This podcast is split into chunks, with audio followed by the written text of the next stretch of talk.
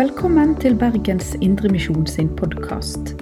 For mer informasjon om oss, besøk oss på betlehem.no, eller finn oss på Facebook og Instagram der som Bergens Indremisjon.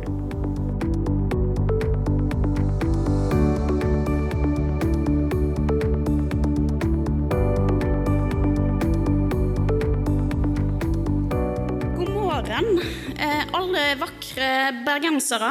Striler, sørlendinger, østlendinger, nordlendinger, utlendinger og alt midt imellom.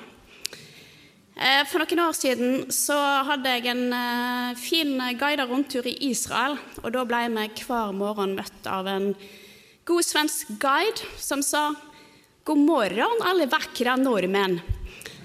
Og Det syns jeg var veldig hyggelig hilsen å bli møtt med. da. Så god formiddag eller god morgen, alle vakre mennesker som Gud har skapt på underfullt vis.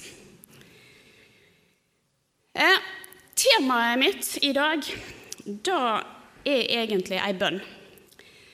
Eh, og jeg liker når jeg skal dele noe fra Gud, og spør Gud om han har noe han har tenkt på, eller noe han vil jeg skal dele.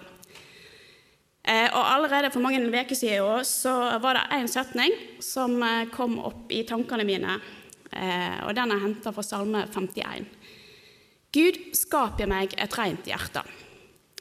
Eh, og den setningen har ikke sluppet meg, så da blir utgangspunktet og hovedtematikken for dagens tale. Eh, og så er det av og til når vi ber, at en kanskje angrer litt på hva, at en, at en ba. Fordi at da å snakke om dette eh, er ikke mulig å gjøre på et distansert vis. Altså å ta en utredning i fire punkt, og så Dette har jeg virkelig forstått og fått til.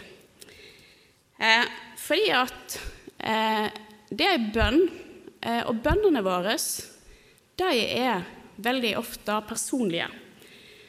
Eh, og hvis en kommer inn i et rom der noen sitter og ber, eh, så føler en egentlig at en forstyrrer. Eh, for bønn det er ofte uttrykk for lengsel. Eh, det er privat, og det er nært. Eh, og her kommer vi rett inn i David sin bønn.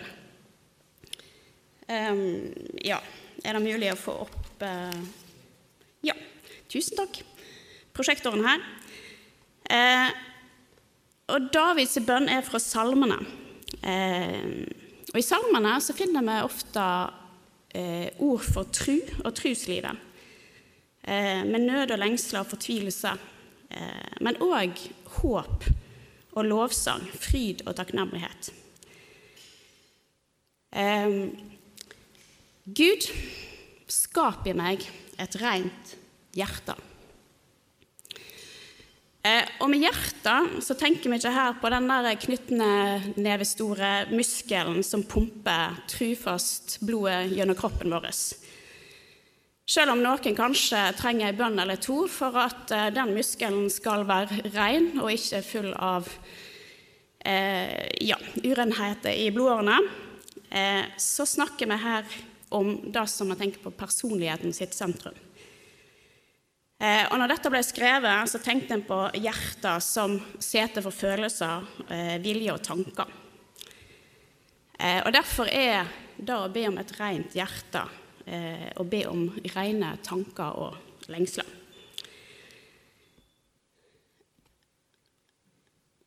Og så har jeg tenkt til å si noe om dette verbet 'å skape'.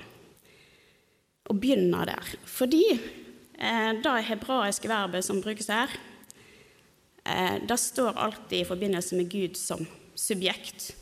Altså Det betyr at det er Gud som handler. Eh, og Det samme verbet finner vi i det første verset i Bibelen, der det er Gud som skaper himmel og jord. Og Det betyr at det er bare Gud som kan skape dette her. Det er bare Gud som kan skape verden, og det er bare Gud som kan skape et rent hjerte i oss eh, og i David. Og så tror jeg ofte det er sånn at vi har lyst til å begynne å vaske litt sjøl eh, før vi slipper Gud til. Eh, omtrent som når vi inviterer folk på besøk hjemme hos oss. Da liker iallfall jeg å ha støvsugd litt og rydde unna det verste. Men i denne bønnen så inviterer vi egentlig Gud rett inn i hverdagslivet vårt. Det som kanskje er rot, og det som er kanskje er kaos. Eller det som kanskje ser ut som et striglaheim, men når vi kikker litt mer etter, så er det kanskje ikke så fint i skuff og skap og boder og garasjen. Så er dette ei bønn der Gud skal gjøre sin skapergjerning i vårt hjerte, i vårt liv, i vår tanke og i vår vilje. Skap et rent hjerte i meg og en ny og stødig ånd. Dette er ikke noe som jeg får til på egen hånd med å skjerpe meg eller ta meg sjøl i nakken eller Ja, på alle vis. Jeg kan prøve, men jeg vil nok ikke få det til. Og så blir jeg kanskje sliten av å prøve. Så tror jeg at det er en viktig nøkkel å forstå at jeg vil aldri kunne skape et rent hjerte på egen hånd. Og så er det David som har skrevet denne salmen. Og David han lærte dette den harde veien.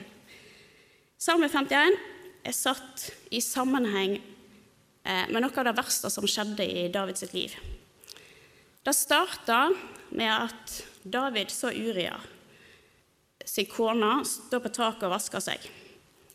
Og så leser vi om dette i 2. Samuels, ja, mm, Samuels bok, kapittel 11. Eh, og så er det en historie om noe som går fra galt til verre.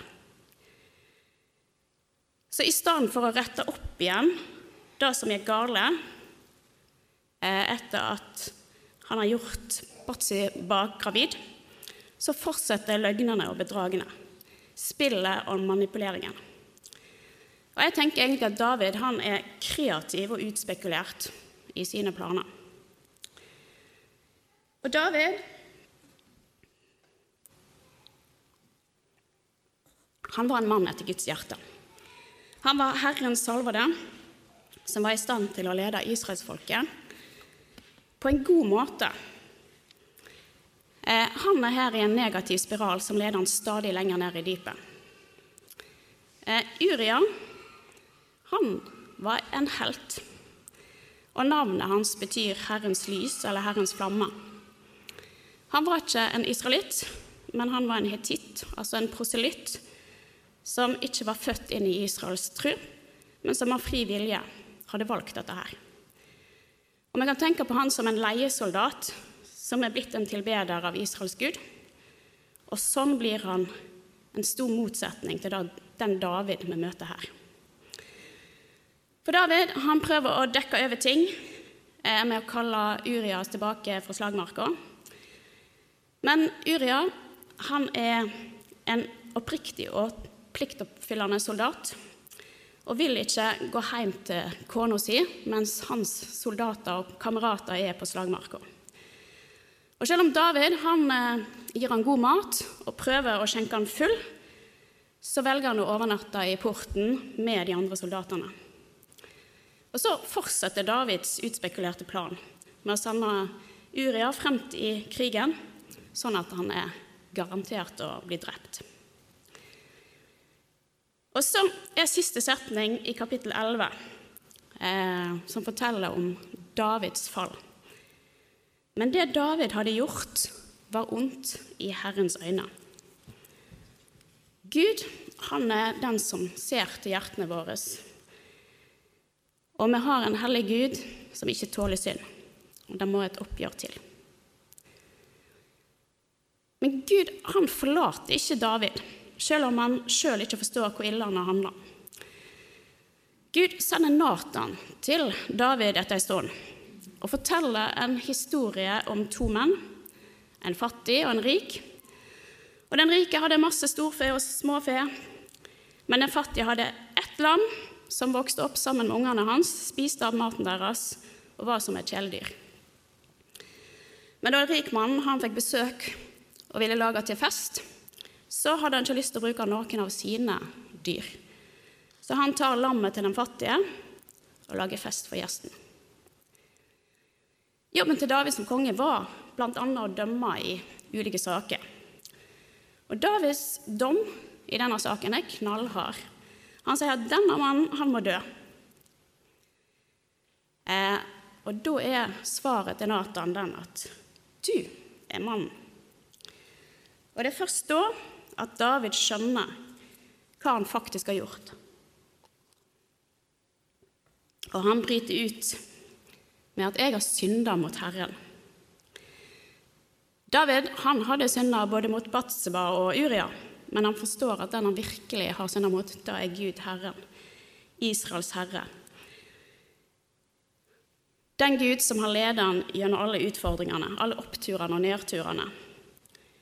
Eh, og så er det meste av Salme 51 et uttrykk av forangeren og den syndenøden som eh, David kjenner på.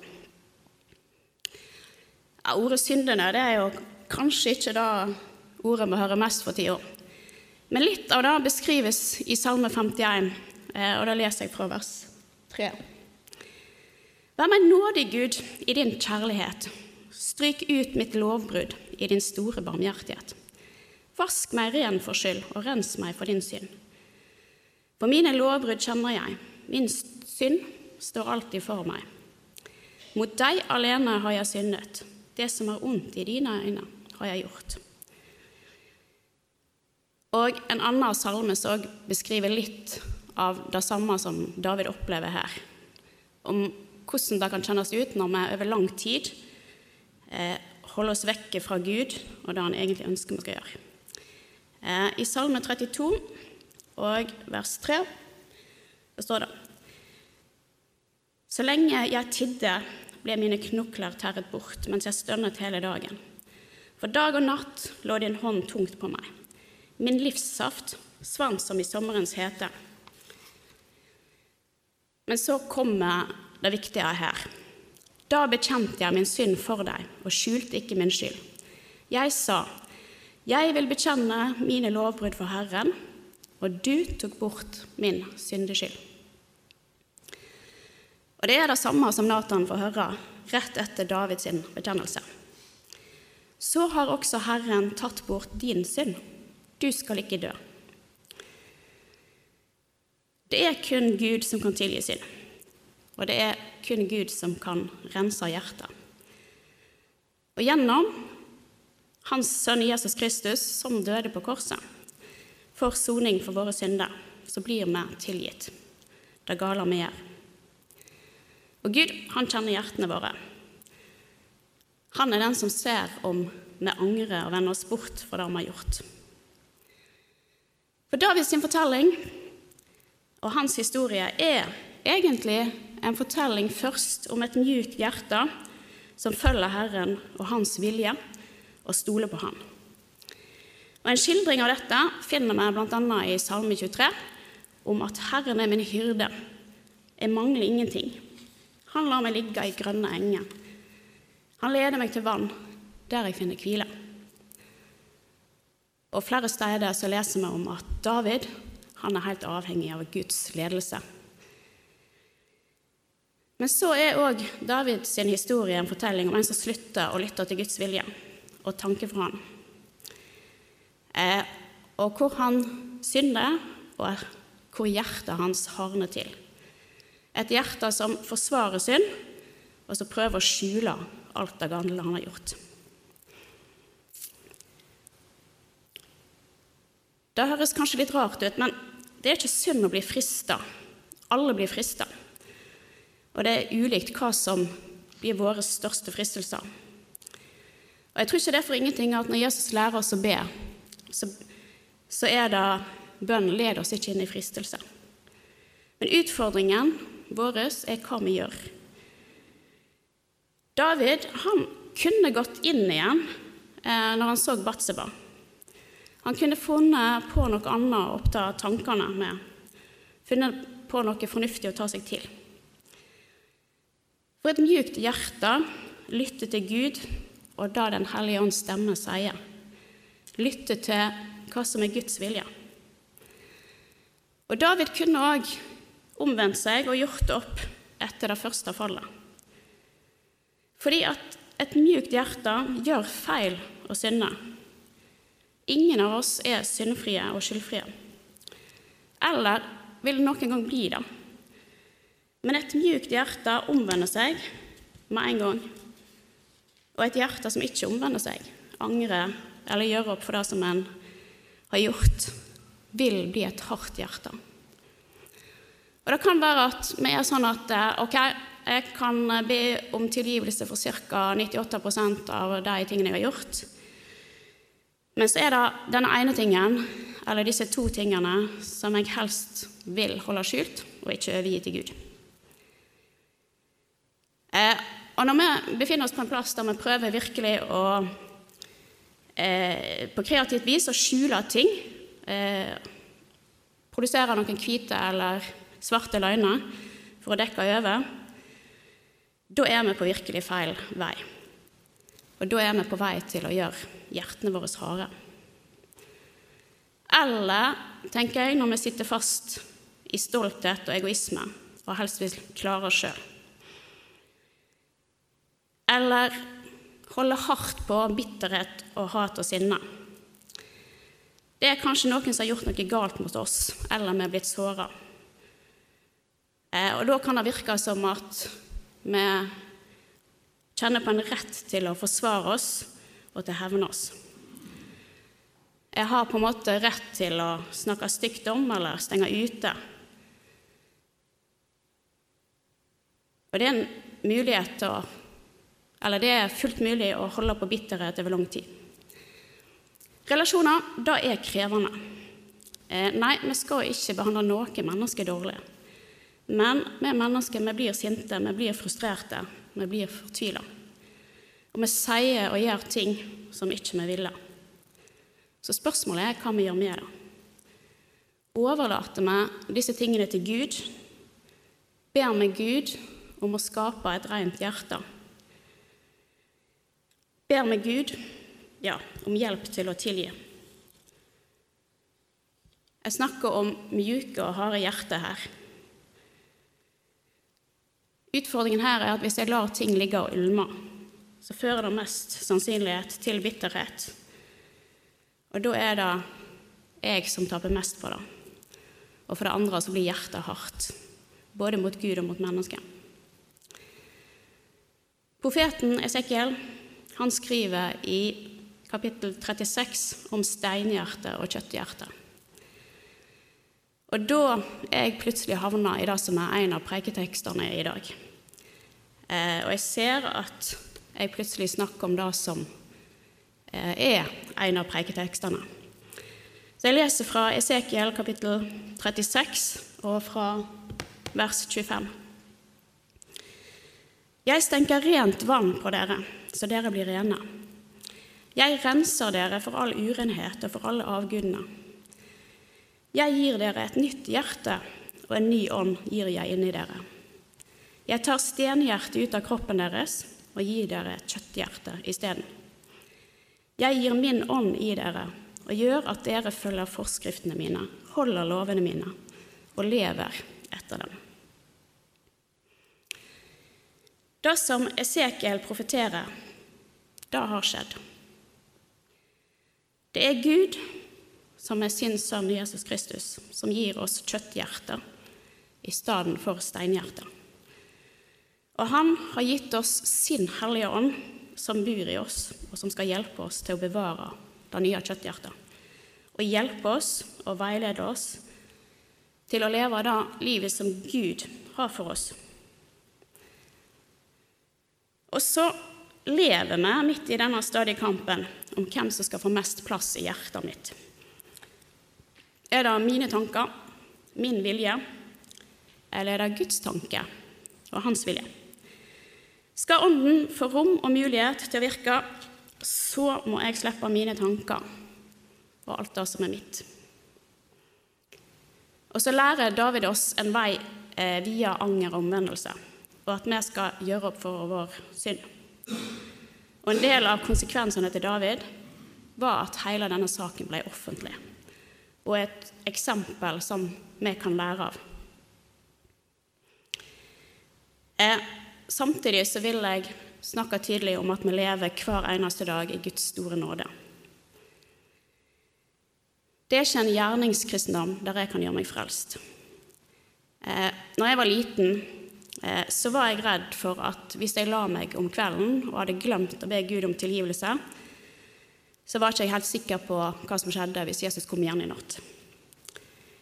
Vi har en stor og nådig og kjærlig Gud.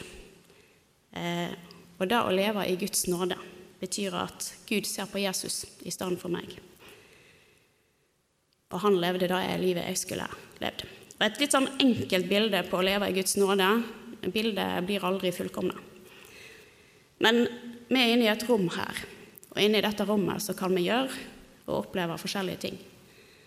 Men uansett hva som skjer, og uansett jeg, ja, hva jeg gjør, så faller jeg ikke ut av rommet. Eh, og sånn kan det bli et litt enkelt bilde på å leve i Guds nåde. Men samtidig så er det sånn at hvis jeg ikke følger Guds hjerte og Guds ledelse, så kan hjertet mitt bli forherda.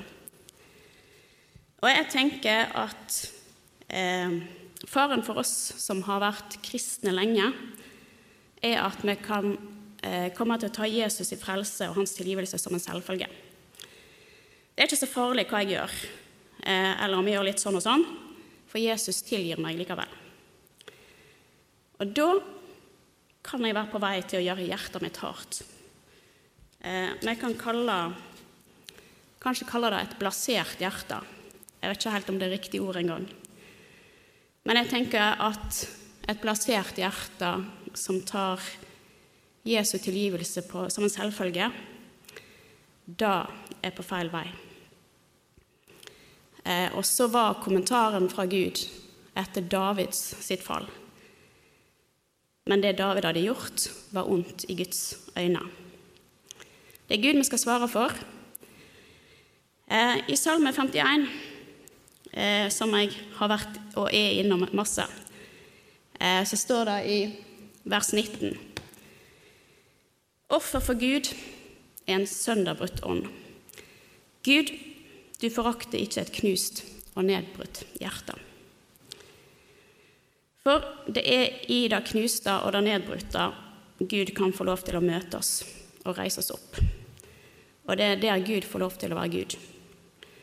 For hvis jeg fikser alt, da har jeg ikke bruk for en gud. Og hvis jeg holder på min stolthet, så klarer jeg meg sjøl. I vers 18 så er det For du har ikke glede i slaktoffer, mitt brennoffer bryr du deg ikke om.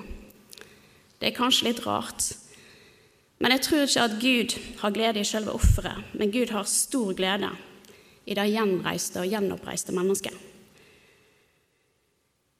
Guds glede ligger i det mennesket som i frihet og glede lever i Guds sannhet med hele sitt liv.